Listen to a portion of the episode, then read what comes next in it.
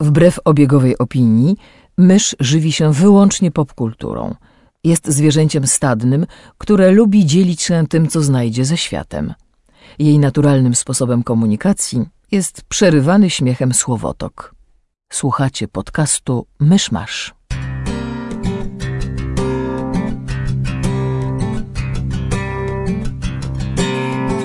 Gospodarzami podcastu Myszmasz są Krzysiek Seran, redaktor portalu Avalon.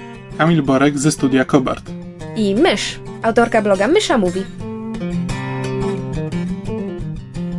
Drodzy słuchacze, jest 7 września 2015 roku.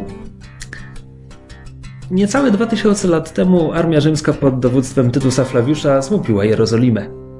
Pamiętamy. Zapraszam do 109 odcinka podcastu Myszmasz. No, zaczynasz jakimiś smutnymi wydarzeniami. Hej, Rzymianie byli zadowoleni. E, Słyszeliście o tym, co się dzieje z, ze studiem Marvela filmowym? Nie, Nic, nic do was nie dotarło? nie. Okej, jest jakaś zawierucha e, na, na szczytach organizacyjnych i do końca nie wiadomo, znaczy wiadomo dokładnie co się dzieje. Marvel Studios, przy, przede wszystkim Kevin Feige, Feige, jakkolwiek on się nazywa, czyli ten producent wykonawczy właściwie wszystkich, wszystkich filmów Marvela, odpowiadał dotąd przed Ike'iem Perlmutterem, który jest głową Marvela biznesowo, w sensie on tam zarządza wszystkim, e, nie ma żadnego wpływu jakby na działalność twórczą wydawnictwa, ale decyduje o wszystkim i jest wariatem, jest wariatem i w ogóle te koszmarne stosunki Marvela z Foxem to, to jest według tego, co się plotkuje, przede wszystkim jego wina. Ale plotki. No w każdym razie Feige, Feige, Feig dotąd e, odpowiadał przed Perlmutterem, a teraz będzie odpowiadał przed Alanem Hornem, który jest tam jakąś szychą bezpośrednio w Disneyu. Czyli jakby góra Marvela została wycięta z procesu decyzyjnego w sprawach filmów. Oraz był, była też grupa, nie pamiętam nazwy, nazwijmy ją grupą kreatywną, e, Myślałam, która trzymającą była, władzę. która była organem doradczym, a jednocześnie też mającym podobno jakieś prawo weta e, a propos filmów. I w skład tej grupy z kolei też wchodziła taka przypadkowa zbieranina ludzi, bo był tam jakiś gość z Toy Biz, czyli tej firmy zabawkarskiej, która wykupiła Marvela, zanim zrobił to Disney, czyli ten poprzedni właściciel. E, ale byli też ludzie bezpośrednio z komiksów, tacy jak Brian Michael Bendis. I oni tam podobno dbali o to, żeby filmy były w miarę wierne komiksom, w sensie duchem. Chyba taka była ich rola, trudno to powiedzieć. E, I ta grupa została rozwiązana. Tej grupy już nie będzie. No i teraz e, cały internet, który się zajmuje sprawą, e, że tak powiem, wróży z fusów, czy to oznacza e, więcej jakby wolną rękę dla reżyserów i większą różnorodność filmów, czy może właśnie większą kontrolę Disneya i większą homogenizację tych filmów. Nie dowiemy się jeszcze długo, bo no bo co, no bo Civil War jest już praktycznie nakręcone. Doctor Strange też jest już tak daleko w produkcji, że też już podobno tam wiele się nie zmieni. No tak. E, I tak naprawdę. Nie, preprodukcja na Strange'a nie zaczęli kręcić jeszcze. A, no to, to jeszcze sporo mogło zmienić. No, te, też mi się tak wydawało, ale komentarze są takie, że, że tam, nie wiem, Drudzy Guardiansi to jest pierwszy film, w którym się przekonamy, co, co brak tej grupy i brak Aika Perlmuttera oznacza dla, dla filmów. U, jeszcze jedna szalona plotka o Aiku Perlmutterze, bo je uwielbiam. Swoją drogą były też w niezwykłej historii Marvel Comics. E, podobno to on e, własnoręcznie i jednogłośnie zablokował e, zabawki z Black Widow.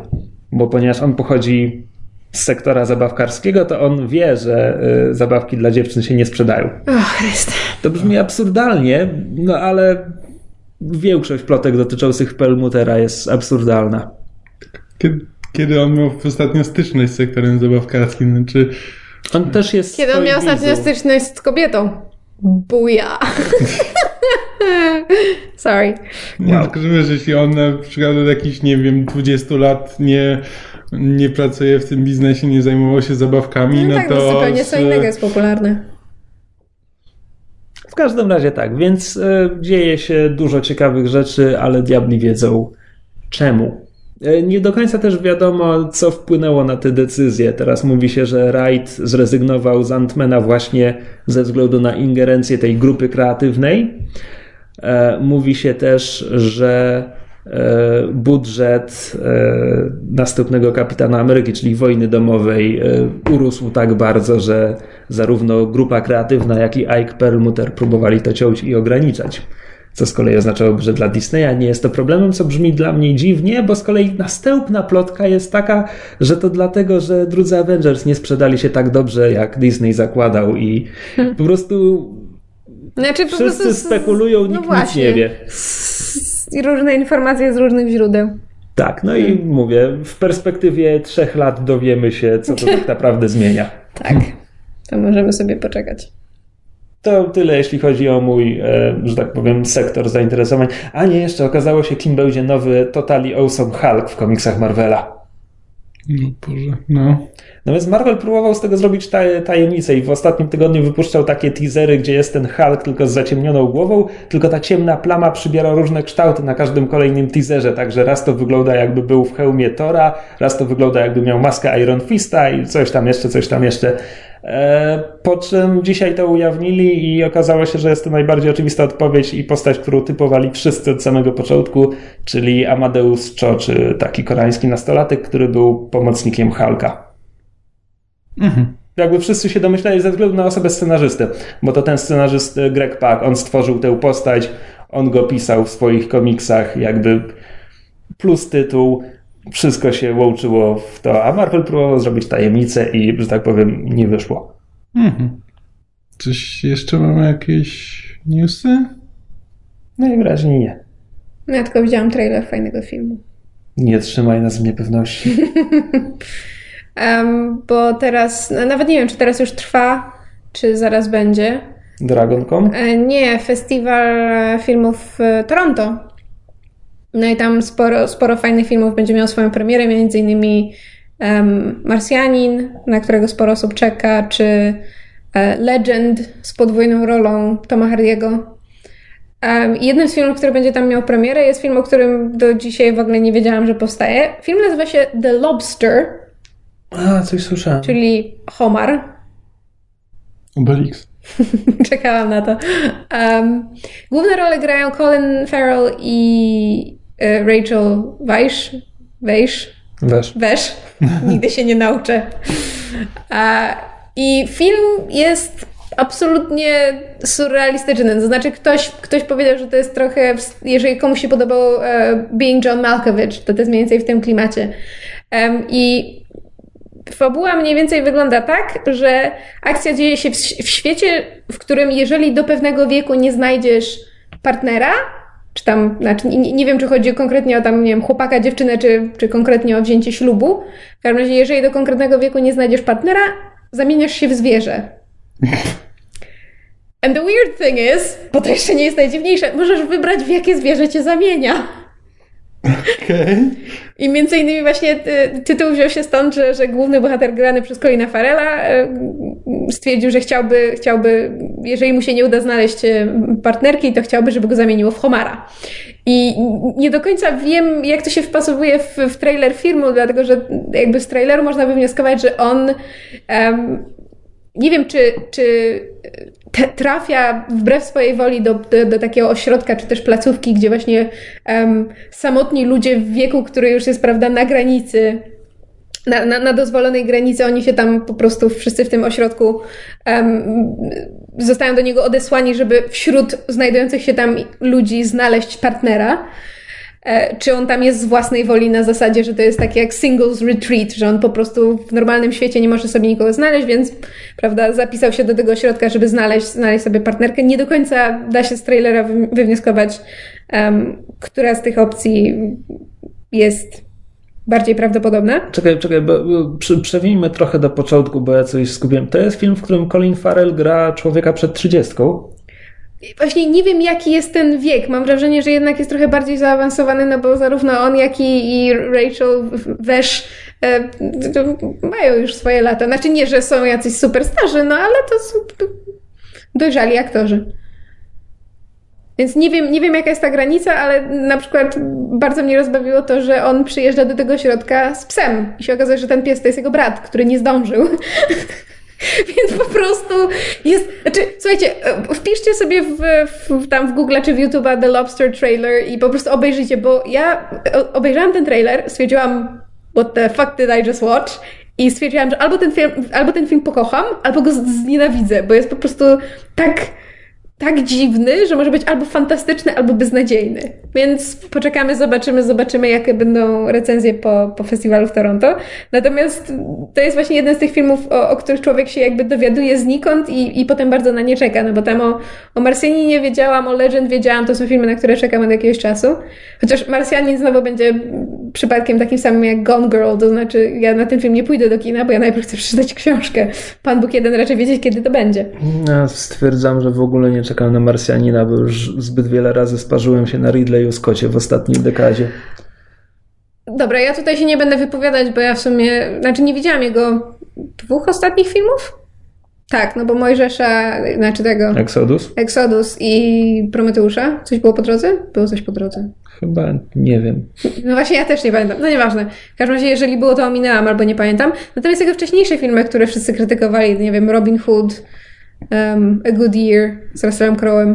Oj, A Good Year to dawno, dawno. No właśnie, ja nie pamiętam, co on kręcił pomiędzy, ale jakby, znaczy inaczej, te filmy Ridleya Scotta, które są powszechnie uznawane za e, ja nie mam nic przeciwko. Ja bardzo lubię Good Year, nawet lubię Robin Hooda, więc w ogóle mi to nie przeszkadza. E, natomiast mówię, nie widziałam Exodus, z tego co słyszałam jest kiepski e, i nie widziałam Prometeusza i pewnie nie obejrzę, no bo Alien to nie jest moja um, chciałam powiedzieć, to nie jest moja specjalizacja. Hmm, you'd think. E, w każdym razie nie, nie, nie śpieszy mi się do obejrzenia no, Prometeusza. Prometeusza możesz obejrzeć, ma tak mało wspólnego nie, z Alienem. Ja, ja wiem i nawet mnie korci, no bo chciałam jednak po zobaczyć... co? Czemu ty jej to robisz? Ale bo, bo chciałam zobaczyć rolę Fassbendera. W każdym razie...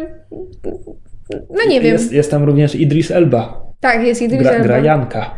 E, cio. W każdym razie, no powiem Ci tak, ze względu na obsadę Marsjanin mnie interesuje. Więc akurat na ten film tam jakoś wymiernie czekam. No, ale to chyba tyle z newsów. Mamy ich jakoś wyjątkowo mało. Pogoda nam mózgi zlasowała, wszyscy są śpiący. E, w związku z tym przechodzimy do tego, kto co ostatnio zszamał popkulturowo. Jasne, ja mogę zacząć od syfu.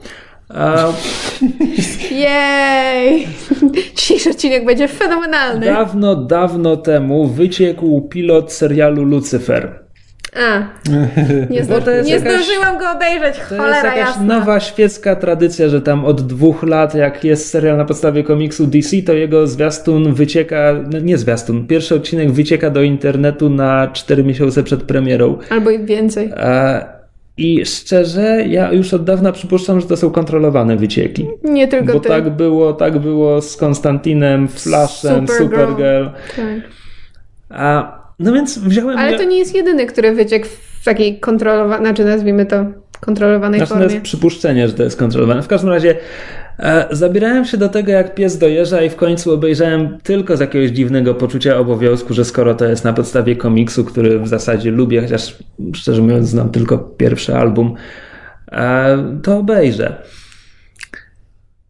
Serial zdaje się nie mieć nic wspólnego z komiksem, co jakby nie przeszkadza mi. Mówię, znam tylko jeden album i hej, a i zombie nie ma nic wspólnego z komiksem i lubimy serial, więc True. to samo w sobie nie jest żadnym problemem. Problemem jest ten serial, ten, znaczy ten pilot, umówmy się. Zacząłem, zacząłem narzekać Zwierzowi na, na Facebooku, więc Zwierz obejrzała, napisała recenzję i jakby ona jeszcze się łudzi, że następne odcinki będą lepsze. Znaczy, bo, no, bo różnie z pilotami bywa, no to tak trochę głupio oceniać cały serial po pilocie. Bywały przypadki, kiedy było potem lepiej. Bywały, jasne. Natomiast tutaj jakby obejrzałem i tak bardzo nie chcę oglądać. W sensie, jak się autentycznie cierpiałem w trakcie seansu, A autentycznie 12 innego. minuta, zacząłem się zastanawiać, czemu ja to jeszcze oglądam. 30 minuta, byłem przekonany, że oglądam to już od półtorej godziny. Jakby, o co chodzi? E, Akurat punkt wyjścia jest z komiksu i z Sandmana i z późniejszej serii Lucifer, która była jego spin-offem. Luciferowi znudziło się władanie piekłem, więc przestał to robić i teraz prowadzi bar na ziemi. Konkretnie w Los Angeles. E, jego, jego była demonica, pomocnica jest teraz barmanką. I to jest punkt wyjścia. I w tym momencie już zrywamy z komiksem, bo w serialu e, Lucyfer wplątuje się w aferę kryminalną, bo w jego ramionach zostaje zabita jego dawna kelnerka, która potem została aktorką, czy piosenkarką, czy kimś tam. I Lucyfer e, żołda sprawiedliwości, więc zaczyna na własną rękę szukać e, zleceniodawcy zabójstwa. E, oczywiście zaraz pojawia się piękna pani detektyw, która zabrania mu się w to mieszać. No po czym on się miesza dalej i piękna pani detektyw daje się przekonać, że może jednak ten dziwak będzie jej pomocny. No i to znaczy. Hmm, to brzmi jak na razie bardzo sztampowo. No bo wiesz, to dobrze opisała, jakby posłuchajcie o tym serialu. No jest, mamy piękną panią detektyw i gościa, który nie jest policjantem, jest przystojny, ma, ma urok i jakąś specjalną umiejętność, która pomaga mu pomagać w śledztwie, aczkolwiek jego urok zupełnie nie działa na piękną panią detektyw. No i czy widzieliście kiedyś taki serial? Tak, widzieliśmy ich od cholery. Yep. E... I to nawet połowę z nich w klimatach paranormalnych. No właśnie, jakby Lucyfer nie wybija się niczym poza tę sztampę. Czy tam jest jakoś na przykład, e, czy na przykład, nie wiem, pokazują tę wizję piekła, czy nie. jest tam cokolwiek wizualnie nie. też nie ma na co popatrzeć? Nie, nie jest anioł w pewnym momencie, ale... No. W jakim serialu teraz nie ma anioła? No właśnie. E... Zmutowany manielu. Wow. The 90s called, they want their joke back. No i ogólnie, jakby jasne, to wszystko jest sztampa i to wciąż nie jest gwóźdź do trumny. Gwoździem do trumny jest to, że to jest wszystko strasznie nudne. To znaczy, masz postać Lucyfera i on jest nudny. Masz piękną panią detektyw, która jest nudna. Masz zagadkę kryminalną, która jest nudna i przewidywalna. E... Ja nie oglądałam, więc się nie wypowiadam. Nie zdążyłam. No, jeszcze. po prostu syp straszny i cierpiałem oglądając to i nikomu nie polecam. Jeśli recenzje następnych odcinków będą jakieś oszałamiające, że dla Boga nie sądziłem, że to może być takie dobre, to może dam drugą szansę, ale naprawdę nie spodziewam się. Hmm. E, dobrze, to skoro mówimy o pilotach, to ja może dwa słowa o Fear the Walking Dead, bo to taki dość kontrowersyjny temat w tym momencie, dlatego Czyli że... spin-off Walking Dead. Tak, spin-off Walking Dead, dlatego Na początek że... krótkie pytanie, ty oglądasz wciąż Walking Dead? Tak. Ha, okej. Okay. Tak, siłą rozpędu i jakby... Mam wrażenie, że nigdy nie mówiłaś w podcaście. O Fear the, znaczy o Walking Dead? Chyba nie. Kamil do pewnego momentu oglądał, więc może na początku coś kiedyś gdzieś było, ale okay. Kamil porzucił, a poza tym potem po drodze serial się zdążył zepsuć, więc ja teraz tak oglądam tylko i wyłącznie z sympatii dla kolejnych postaci. Chciałem, albo... żebyśmy mieli jasny obraz sytuacji. Nie, oczywiście. Natomiast Fear the Walking Dead jest o tyle specyficzne. Spin-off prequel. Tak, ale nie chodzi o sam, sam serial, tylko jakby o zamieszanie wokół niego, dlatego że Fear the Walking, premiera Fear the Walking Dead miała najlepszą oglądalność pilota w historii telewizji ever. Jeśli dobrze pamiętam nagłówki. To znaczy, w sensie pobiła wszystkie inne piloty w historii, jakby, nawet nie tyle tego jednego tam kanału, bo AMC, no to tam, bo on, oni wcale nie mają takiej strasznie długiej historii jako kanał telewizyjny, znaczy jako stacja. E, natomiast z tego, co pamiętam nagłówki, jeżeli kłamie, to zwróćcie mi uwagę w komentarzach, to wszystko odszczekam. Natomiast wydaje mi się, że to było tak, że miał największą oglądalność pilota serialu fabularnego w historii telewizji. Co biorąc pod uwagę, jak ludzie potem zaczęli po nim jechać, jest dziwne. To znaczy. No, Walking Dead jest popularne. No. Tak, i jakby Walking Dead jest popularny mimo tego, że wszyscy na niego psioczą. To jest mniej więcej na takiej samej zasadzie, jak e, teraz był drugi sezon True Detective, że ludzie oglądali i bardzo było o tym serialu głośno, mimo że drugi sezon jest powszechnie uznawany za zły, żeby nie powiedzieć fatalny, a na pewno gorszy niż pierwszy. E, jakby jednym z głównych Widziałem zarzutów... zadowolone głosy również. Nie, ja też, ale konsensus jakby przewaga jest jednak głosów pod tytułem eh.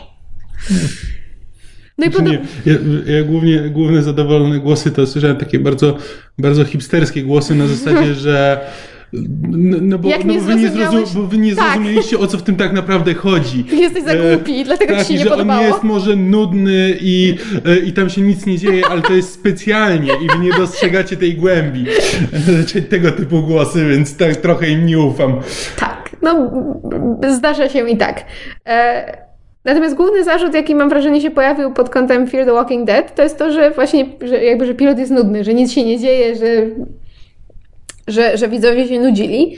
Co jest o tyle dziwne dla mnie, że mam wrażenie, że wszyscy zapomnieli, na czym polegał fenomen Walking Dead, kiedy, kiedy serial miał premierę i jakby dlaczego ten serial był taki fantastyczny. Em, ja obejrzałam pilot to Fear the Walking Dead i byłam bardzo mile zaskoczona, no bo właśnie wszystkie głosy, które słyszałam, były raczej negatywne, a więc podchodziłam, podchodziłam do tego pilota troszeczkę najeżona. Natomiast oglądało mi się go bardzo przyjemnie, dlatego że właśnie miałam taki flashback do, do momentu, kiedy pierwszy raz e, oglądałam mm, pierwszy sezon The Walking Dead, czyli właśnie, ponieważ to jest prequel, czyli jakby Pierwsze dni. te pierwsze dni tej epidemii, czy jakby tego nie nazwać, apokalipsy zombie. E, W związku z tym nasi bohaterowie, którzy jakby nie mają nic wspólnego z bohaterami oryginalnego serialu, bo to jest właśnie taki bardzo osobny spin-off. Twórcy już zapowiedzieli, że raczej nie będzie żadnych crossoverów, tylko jakieś może bardzo małe takie No i geograficznie też są chyba tak, w dużo innym miejscu. Znaczy w dużo innym oni są chyba w e, Los Los, Angeles. Angeles, a tam nasi bohaterowie nie, oni są chyba bardziej na wschodnim wybrzeżu. E, w każdym razie m, nasi, znaczy bohaterowie Fear the Walking Dead jakby nie wiedzą, co się dzieje i obserwujemy właśnie początki tej, tej, tej epidemii, jakby tego nie nazwać. I to jest właśnie dla mnie fajne, dlatego że The Walking Dead, który jest teraz, no to zombie to już jest w ogóle, przepraszam, The Walkers. jak po polsku nazywam chodziki. Nie, nie pamiętam, jak jest polska nazwa. Pełzacze? Możliwe. Nie sądzę. Nie pamiętam. Szwędacze. E, tak mi się wydaje. W każdym razie, jakby The Walking Dead jest na takim etapie, że zombie to nie jest nic nowego. Te postacie to już właściwie są Rambo i Robocopy, które po prostu przechodzą przez zombie jak przez zboże. Wiadomo, że ważne Zombie postacie. to nie jest trudny przeciwnik. Tak, ale inaczej. Dobrze poprowadzony film albo nieważny serial o zombie. Nie, z serialem będzie trudniej, no bo serial właśnie jednak trwa na tyle długo, że w pewnym momencie zaczyna się właśnie koszenie zombie jak zboże. Natomiast dobry film o zombie to jakby to nie samo zombie jest straszne. Nie jest straszne, że nagle na ciebie wyskoczy, prawda, jedzący ludzi, chodzący trup, tylko jakby napięcie jest ważne. I to było to, co działało w pierwszym sezonie Walking Dead, dlatego że w pierwszym sezonie to, to właśnie nie chodziło o to zombie, które nagle wyskakuje z za szafy, tylko to napięcie, które towarzyszy temu, że nie wiemy, co się stanie, nie wiemy, kto zginie, nie wiemy, jakie są zasady rządzące tym światem. I mam wrażenie, że dlatego to działa w Fear the Walking Dead, że my jako widzowie, jeżeli ktoś, prawda, jest fanem The Walking Dead i zna ten świat, my jakby zasiadamy do pilota dokładnie wiedząc, z czym nasi nowi bohaterowie będą się borykać, natomiast oni nie wiedzą. I napięcie bierze się stąd, że że my wiemy, a oni nie, więc obserwujemy ich działania troszeczkę na zasadzie nie, nie idź tam, tam jest ten zły, albo, no, albo na zasadzie strzel mu w głowę, co ty nigdy filmu o zombie nie widziałeś, nie wiesz jak się z tym obchodzić. I jakby stąd, stąd się bierze napięcie i moim zdaniem to działa, ale mam wrażenie, że większość osób się już tak przyzwyczaiła do, do koszenia zombie jak zboże i do tego, że The Walking Dead teraz na tym polega. I, i Myślałem, też jakby się... The Walking Dead polega na dramatach między bohaterami. Właśnie chciałam do tego przejść, że jakby The Walking Dead w pewnym momencie przeszło z zombie, zombie, zombie na człowiek, człowiekowi wilkiem i jakby na tym się bardziej teraz skupia. Natomiast Fear the Walking Dead mam wrażenie, że jest takim back to basics. I mi się to podoba. Co prawda nie widziałam jeszcze drugiego odcinka, widziałam tylko pierwszy, ale, ale moim zdaniem jest fajnie poprowadzony. Mamy um, interesujących, znaczy interesująco zarysowanych bohaterów i fajne relacje między nimi, dlatego że to się jakby skupiamy się na losach takiej patchworkowej trochę rodziny, gdzie tam syn, który jest teoretycznie głównym bohaterem, który jakby najprędzej się zaczyna orientować, że coś jest nie tak, jest e, narkomanem i wszyscy podejrzewają, że stracił rozum, więc nikt mu nie wierzy, kiedy mówi, że widział jak jego koleżanka narkomanka przed nim zjadała czyjeś zwłoki i tak dalej. Mamy jego mamę, która pracuje w szkole i jej partnera, który też, też, też pracuje w szkole, a widzimy, że prawda, do tej szkoły coraz mniej dzieciaków zaczyna przechodzić, że panuje jakaś grypa, a my dobrze wiemy, co się dzieje. Jest jej tam zbuntowana córka, są tam jeszcze postacie poboczne. Więc jakby też od razu widać, że są zarysowywane te takie relacje międzyludzkie i że rzeczywiście serial się na tym będzie skupiał. Natomiast dziwi mnie to, że ludzie tak um, tak dość agresywnie krytykują Fear the Walking Dead. Moim zdaniem to się bierze z jakby niezrozumienia konwencji. Natomiast to, czy ten spin-off dalej utrzyma te, te w moim odczuciu dobre napięcie i czy dalej będzie sensownie poprowadzony, no to już jest jakby osobna kwestia.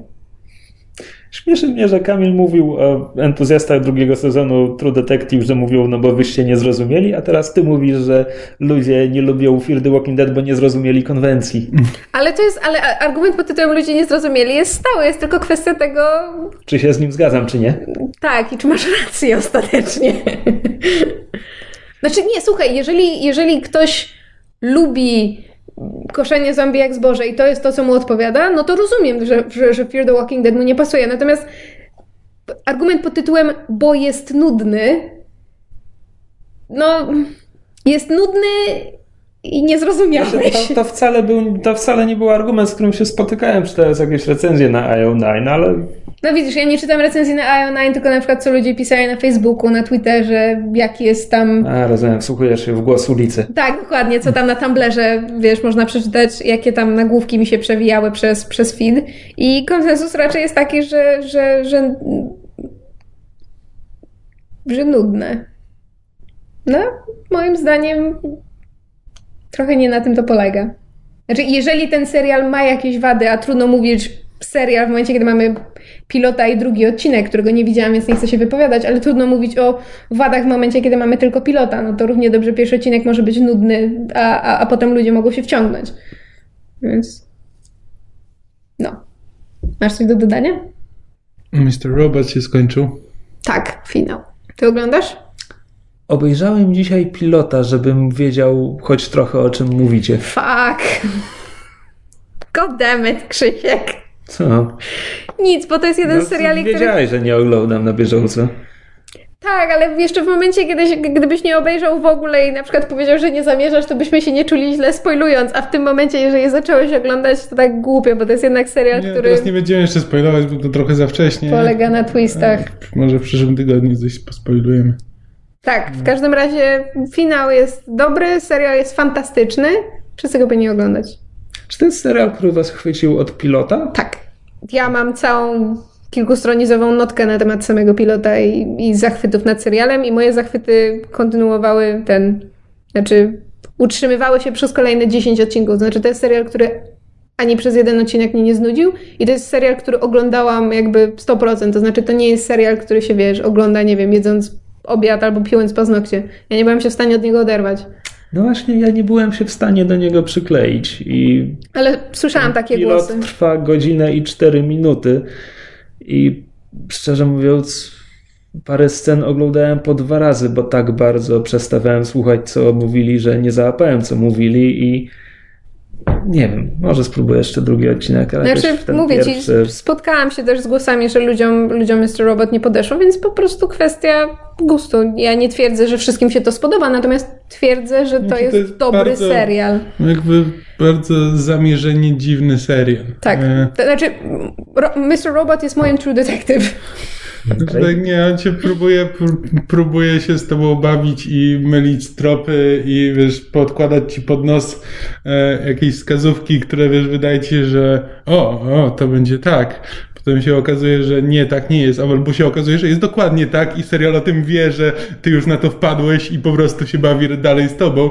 E, on bardziej tak. Tak, ale jakby to nie jest, nie masz, nie masz wrażenia w trakcie serialu, że, że scenarzyści z tobą lecą w kulki, to znaczy na zasadzie, że im chodzi o ten efekt, wiesz, a mamy cię, nie domyśliłeś Znaczy, się. tak, on jakby poza tym opowiada y, konkretną, spójną historię, która jest y, interesująca cały czas i jakby I ma trzyma w fa- napięciu. tak. fantastycznych bohaterów i fenomenalnie zagranych.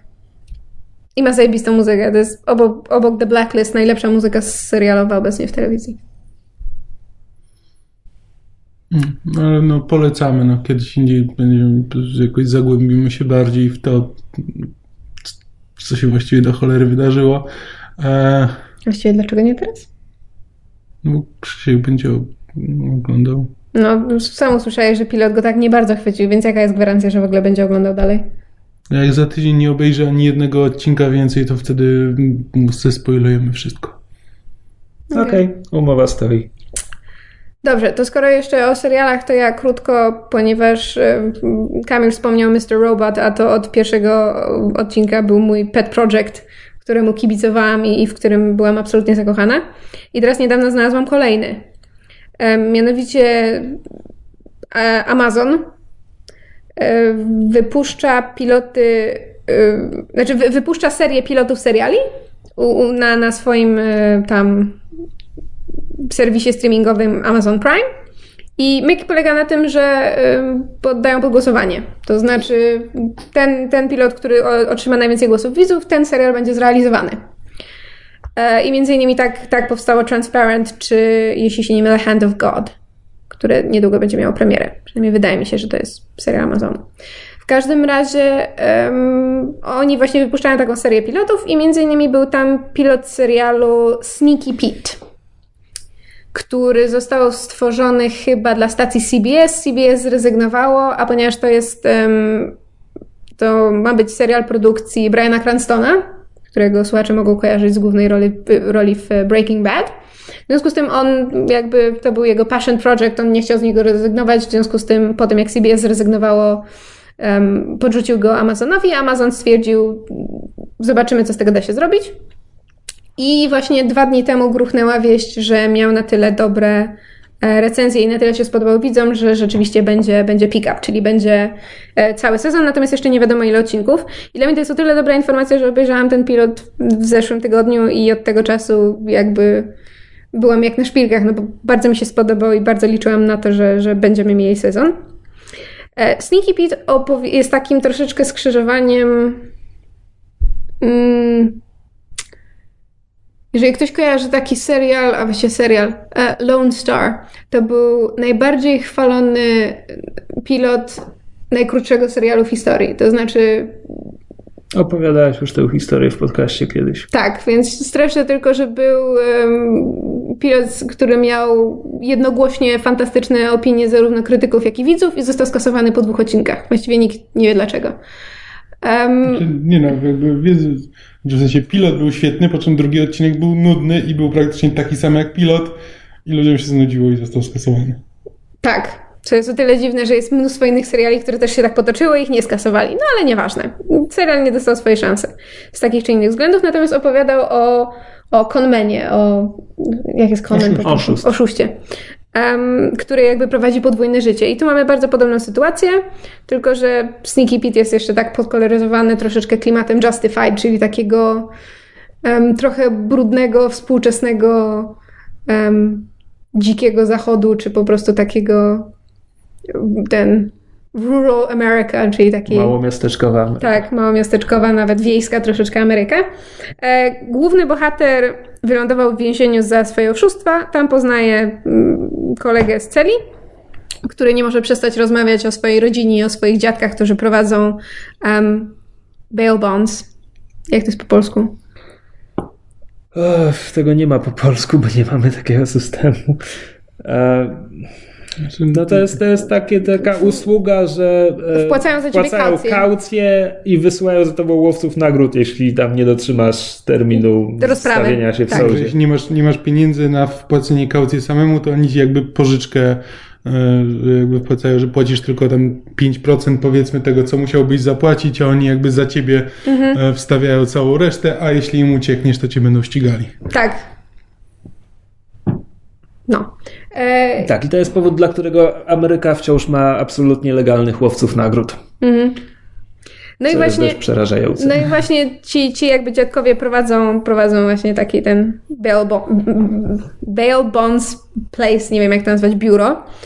E, I nasz bohater wychodzi z więzienia wcześniej niż ten, jego, niż ten jego kumpel, a ponieważ musi uciekać przed mafiozem, któremu wisi pieniądze, mafiozę gra w niewielkiej roli, właśnie Brian Cranston występuje jako guest star. W związku z tym musi uciekać i postanawia uciec na farmę tych dziadków i podszywać się pod tego swojego współlokatora z celi, którego dziadkowie nie widzieli przez ostatnie 20 lat. I, I, nie wiedzą, co się z nim działo. Nie wiedzą, że był w więzieniu, nie wiedzą, co się działo, 20 lat go nie widzieli. W związku z tym nasz bohater, e, którego prawdziwego imienia w tym momencie nie pamiętam, ale podszywa się właśnie pod, pod, pod Pita. E, i przyjeżdża do tych dziadków, oni go, prawda, przyjmują jak swojego, no i w wyniku różnych tam perypetii jakby zostaje wplątany w, w właśnie w to ich biuro, w te prace, w ich y, różne rodzinne e, perypetie. Jakby można też odnieść wrażenie, że nasz bohater jakoś nie miał szczęśliwego życia rodzinnego i w momencie, kiedy znajduje się, co prawda pod, pod, pod fałszywym pretekstem, ale znajduje się w tej rodzinie, która rzeczywiście jest kochająca i, i zżyta i całkiem sympatyczna, że jakby od, od początku czujemy, że, że jakby że to jest coś, czego mu brakowało, w związku z tym lgnie do nich. I jakby zarys fabuły jest na tyle, na tyle oględny i jakby na tyle da się go fajnie rozwinąć pod względem, znaczy pod tym względem, że właśnie ci, ci dziadkowie prowadzą, prowadzą to biuro, więc jest bardzo dużo okazji do, do jakichś e, e, różnych e, hijinks i różnych, prawda, dziwnych sytuacji, gdzie ten nasz oszust może wykorzystać te swoje e, talenty i, i, i, prawda, umiejętności jakiejś gry aktorskiej, oszukiwania i manipulowania ludźmi. Więc jest potencjał. Natomiast to, co jest moim zdaniem fantastyczne, to jest obsada. Dlatego, że um, babcię gra Margot Martindale, która wygrała właśnie um, Emmy za Justified, czy nawet Złoty Glob może. E, I mogą ją też kojarzyć widzowie The Americans. Natomiast główną rolę i bardzo mnie rozśmieszyła uwaga Kamila, bo ja mu opowiedziałam wczoraj o tym, o tym serialu i on tak, no brzmi fajnie, a kto, kto tam gra? Ja mówię, główną gra, równo, głu, hmm, a ja mówię, główną rolę gra aktor, którego bardzo dawno nie widzieliśmy w dobrej roli, a jest fantastycznym aktorem, o czym wszyscy zapominają. Główną rolę gra Giovanni Ribisi. I jest fenomenalny. I chociażby dla niego warto ten serial obejrzeć, znaczy ten, ten pilot obejrzeć, dać, dać mu szansę i zobaczyć, czy nam pilot podpasuje. Natomiast mnie się to podoba, bo to jest właśnie taki troszeczkę w stylu Justified, czy troszeczkę nawet w klimacie Breaking Bad, no bo właśnie wszyscy to porównują do, do Breaking Bad ze względu na Briana Cranstona jest w tym troszeczkę takiego nieco ponurego, znaczy, nieco... Justify to był tak trochę współczesny western. Tak, no dramat współczesny western i właśnie tutaj też są takie klimaty, że to jest takie troszeczkę troszeczkę ponure, troszeczkę jakby to, to, nie jest, to nie jest, prawda, serial, gdzie wszystko jest różowe, śliczne i puchate, tylko raczej jest, jest smutne, prawda, panuje, panuje kryzys gospodarczy. Smutne, szare i parchate. Mniej więcej. E, natomiast moim zdaniem serial ma bardzo duży potencjał i, i rzeczywiście rola, rola mm, Ribisiego jest, jest bardzo fajna i on świetnie, świetnie ją gra moim zdaniem. Znaczy to jest idealna rola, żeby on jakby wykorzystał ten swój taki troszeczkę um, shifty... Dziwny fizys. Tak, dziwny fizys i taki troszeczkę shifty character, że taki jest troszeczkę E, taki nerwowy i czasami trochę za dużo powie i, i, i czasami, prawda, się jąka. No jakby bardzo, bardzo miło mnie ten pilot zaskoczył, więc, więc polecam, jeżeli mm, jesteście zainteresowani jakimiś nowymi serialami w tym, w tym sezonie, no bo teraz jest wrzesień, w związku z tym teraz będą miały premierę wszystkie te właśnie seriale, na które czekamy. Przeskakując na moment do beletrystyki, skończyłem powieść Dom Bush Jana Makloda, która jest technicznie rzecz biorąc kontynuacją Wieków Światła, o których mówiłem parę miesięcy temu, nie pamiętam dokładnie. E, przy czym jest kontynuacją bardzo luźną, tak naprawdę po prostu rozgrywa się w tym samym świecie 100 lat później. E, niektóre postaci są tam jakoś luźno spokrewnione z niektórymi postaciami z poprzedniej książki, i dwa razy autor tak konkretnie wrzuca nawiązania do jakichś wydarzeń, ale jakby zupełnie mógłby tego nie robić i zupełnie mi się tego mógł się obyć bez tego. E, także jest to książka, którą właściwie można czytać bez znajomości wieków światła. Mm, Poza tym, że e, nie opisuje po raz drugi świata tak dokładnie, więc tam trafia się, nie wiem, raz czy dwa przywołuje pojęcia, które wyjaśniał w pierwszej powieści i nie robi tego drugi raz, ale to są jakieś detale. Więc można ją czytać bez znajomości wieków światła i może nawet jest to sposób bez dużo bardziej przystępna.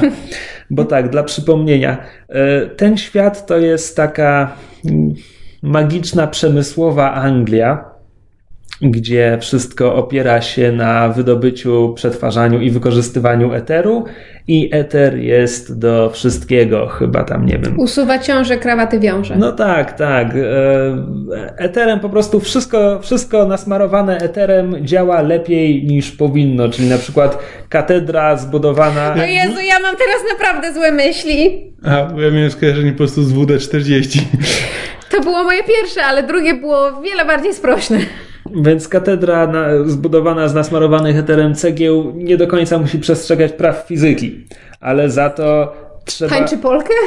No nie, ale tam na przykład bez eteru by obciążeń nie wytrzymała i się zawaliła, a z eterem stoi prosto. A... Idealny środek dla leniwych architektów. No, tak, mniej więcej. E, tyle tylko, że jeszcze ten eter trzeba pobudzać zaklęciami, żeby wciąż działał, więc trzeba, trzeba jakby odtwarzać zaklęcia, żeby działanie... I couldn't keep it in. Pobudzać. You need to fluff the eater. mm. I jest to również Anglia, w której rządzą cechy. E, cechy, które mają sekrety tego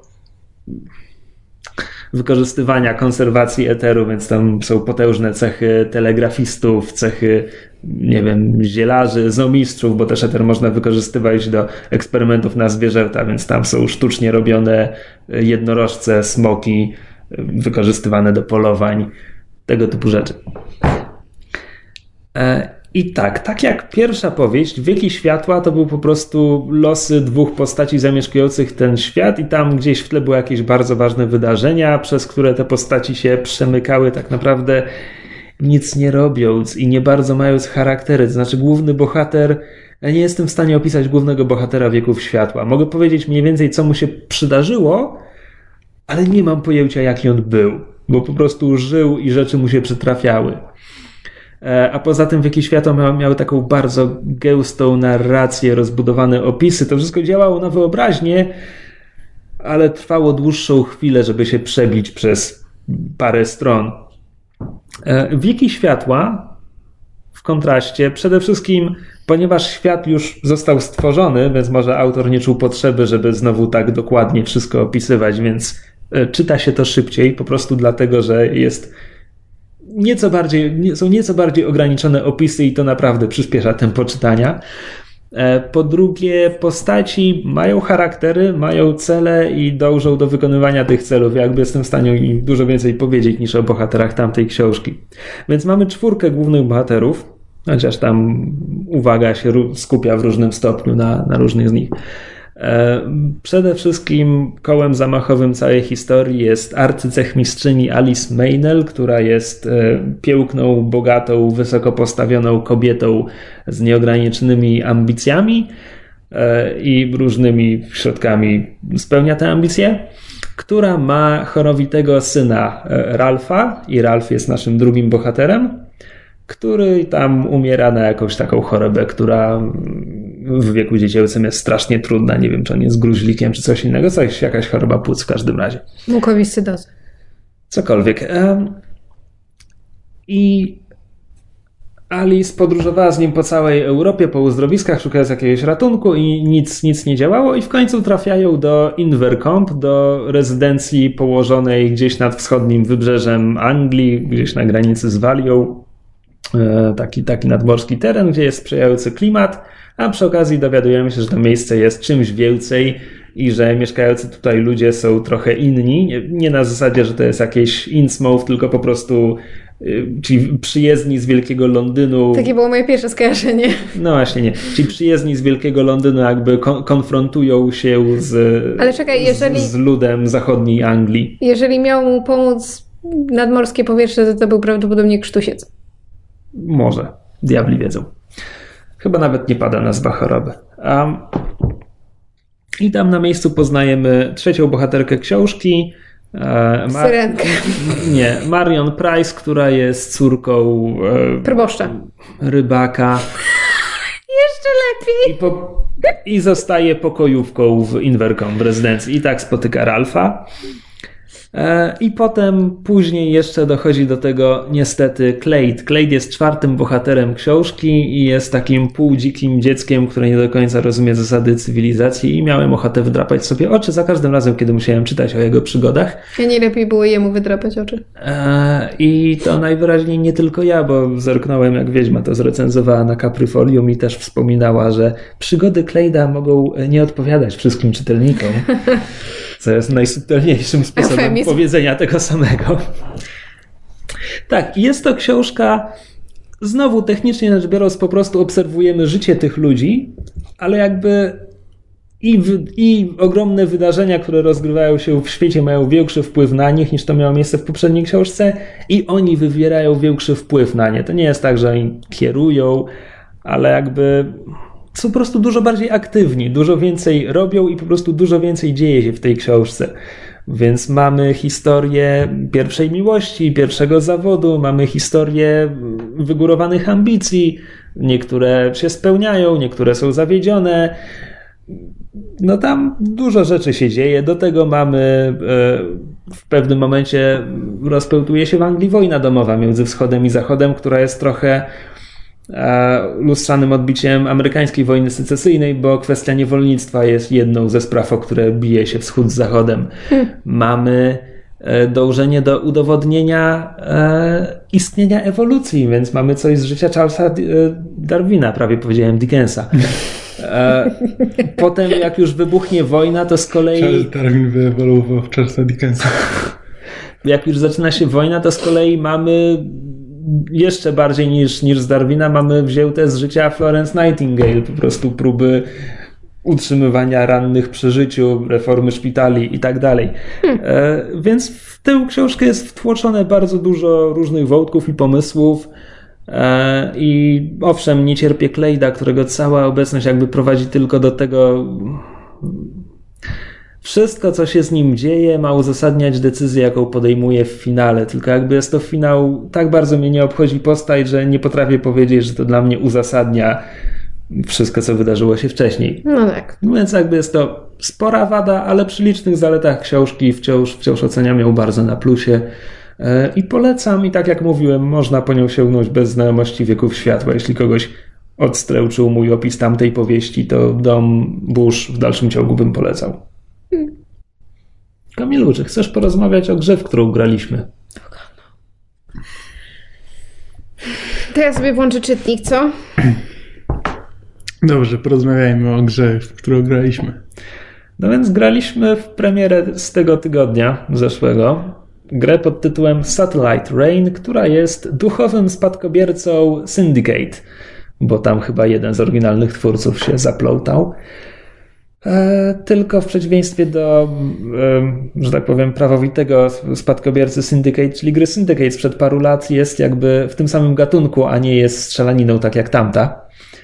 E, I Satellite Rain przedstawia nam cyberpunkowe miasto pogrążone w wiecznym mroku i ulewie, w którym kierujemy w czasie rzeczywistym czteroosobowym oddziałem specjalistów. Przestępców. Tak, ale to są tacy trochę Robin Hoodzi, to znaczy oni są przestępcami, ale ich celem jest bardzo zła korporacja.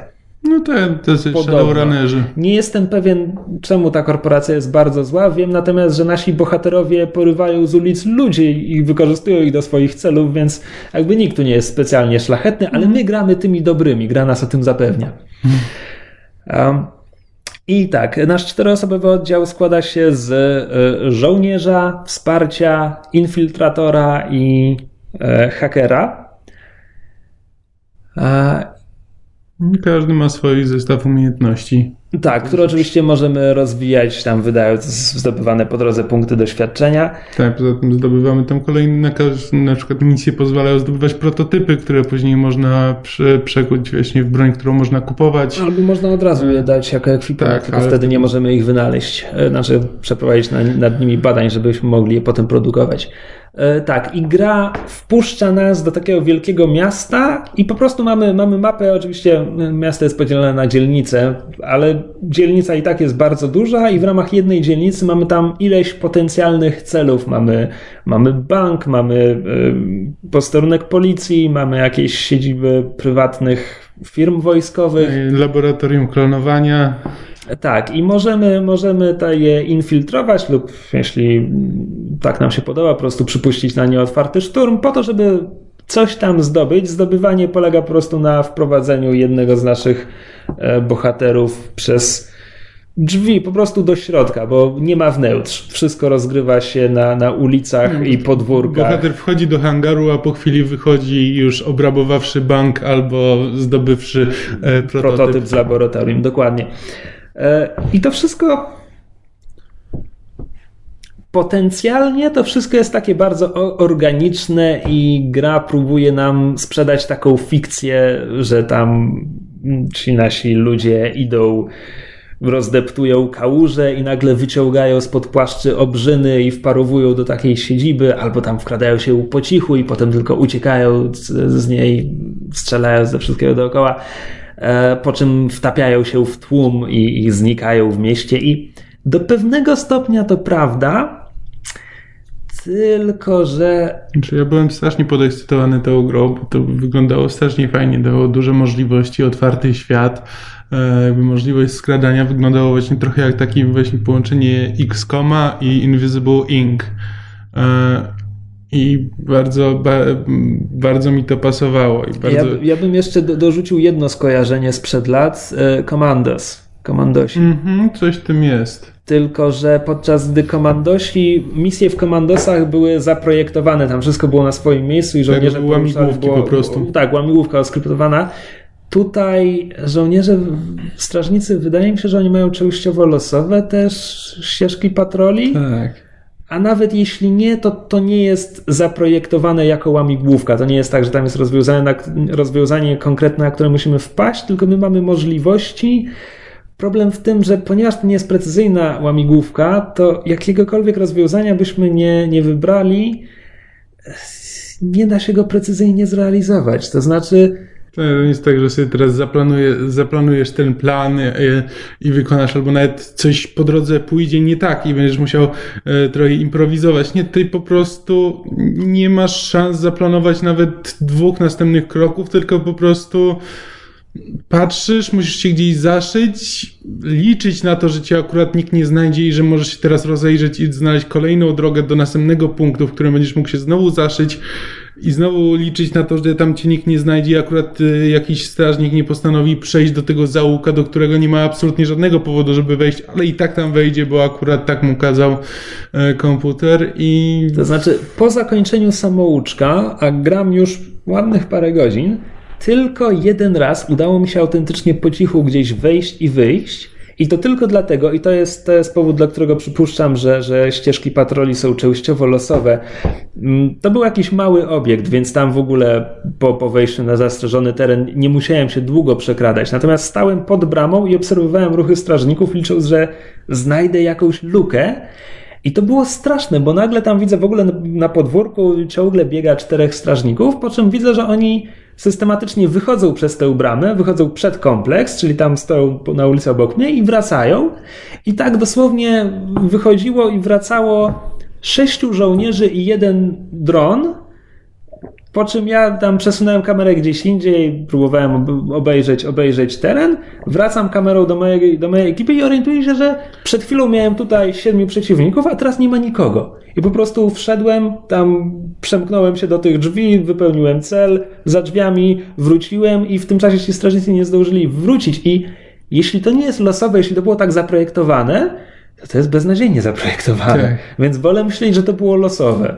Znaczy właśnie ja, bardzo chciałem tę grę lubić. Myślałem, że może ja jeszcze nie nauczyłem się w nią grać, że może jak zacznę rozumieć bardziej umiejętności tych poszczególnych, e, poszczególnych postaci, jak z nich korzystać, e, to, to w końcu nauczy się w to grać i będzie mi to szło lepiej. Ale potem nagle się okazało, że okej, okay, włamałem, właśnie próbowałem się włamać do banku. No i tam się gdzieś przekradłem kawałek, udało mi się gdzieś tam właśnie zaszyć i przekradłem się kolejny kawałek i udało mi się po cichu wejść do banku.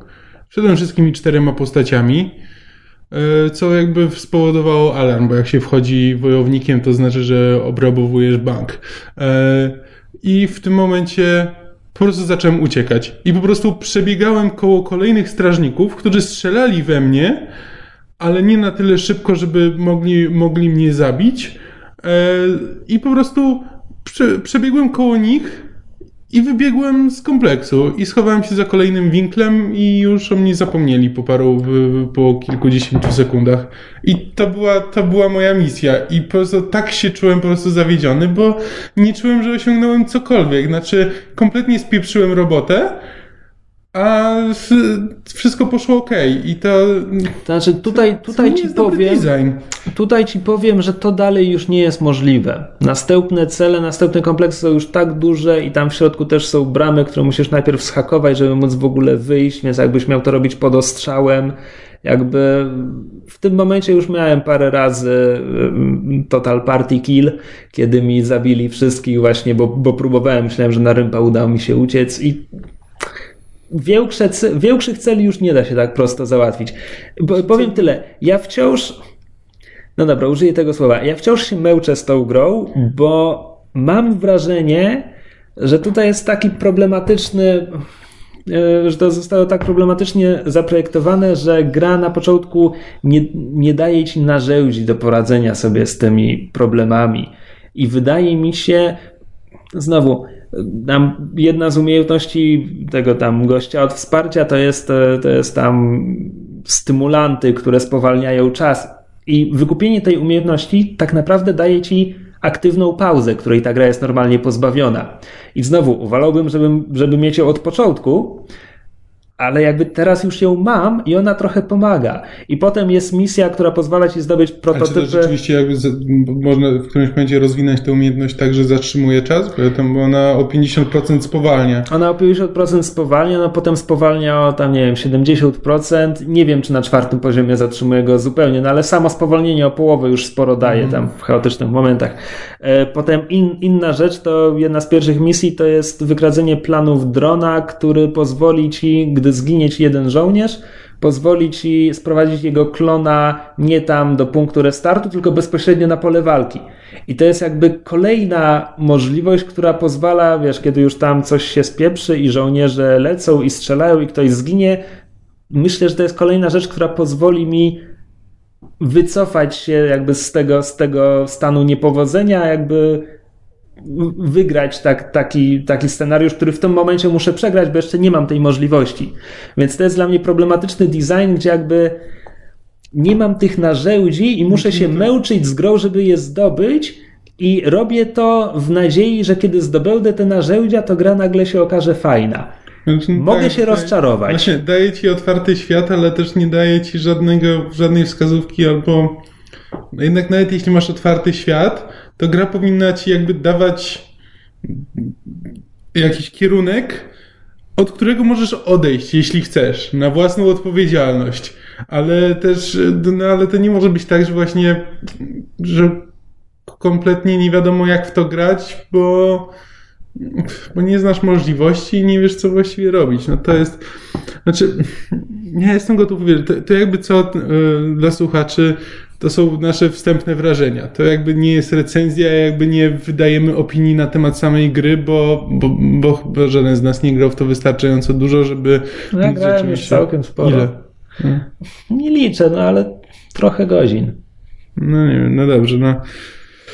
E, no ale sam mówisz, że jeszcze nie, nie znasz pełnych możliwości, więc... Znaczy, nie zdobyłem ich, bo też... E awansowanie postaci trwa mm, dłużej niż bym chciał i ekonomia gry jest dziwna. To znaczy, żeby zdobywać pieniądze, możesz albo obrabować bank, co daje ci jednokrotny zastrzyk gotówki, albo możesz tam wrzucić hakera, co zwiększy twój przypływ gotówki ze schakowanych bankomatów. Tylko, że schakowane ba bankomaty to jest taka kroplów, kroplówka pieniędzy. Pieniądze zużywasz tam bezpośrednio na, na badania i potem na zakup sprzętu, więc tych pieniędzy potrzeba sporo. I Problem w tym, że te pieniądze idą ciągle, a gra jakby nie narzuca ci żadnego tempa rozgrywki. Gra ci nie mówi w tym momencie musisz robić to, bo inaczej stanie się coś złego. Więc tak naprawdę jestem w sytuacji, w której trochę mnie kusi, żeby uruchomić grę i zostawić laptopa na noc, żeby mi ściekło tej gotówki, żebym w końcu miał pieniądze i znowu to nie jest dobry design. Hmm. Znaczy tak, nie. gra podejmuje jakieś dziwne decyzje na, no właśnie na etapie designu i trochę ciężko się przez to przebić. Tak, więc mówię, ja się jeszcze trochę pomęczę i, i za tydzień może będę w stanie powiedzieć coś więcej, albo po prostu dam znać, że gra mnie pokonała. I to będzie wszystko w tym tygodniu. Dzięki za uwagę. Mamy nadzieję, że się dobrze bawiliście. I do usłyszenia w przyszłym tygodniu. Bye! Na razie. Na razie. Słuchaliście podcastu Myszmasz. Możecie nas znaleźć na myszmasz.pl lub polubić nasz fanpage na Facebooku. Możecie nam także wysłać maila na myszmaszpodcast.gmail.com Jeśli do nas napiszecie, będziemy szczęśliwi jak gosienica w czołgu.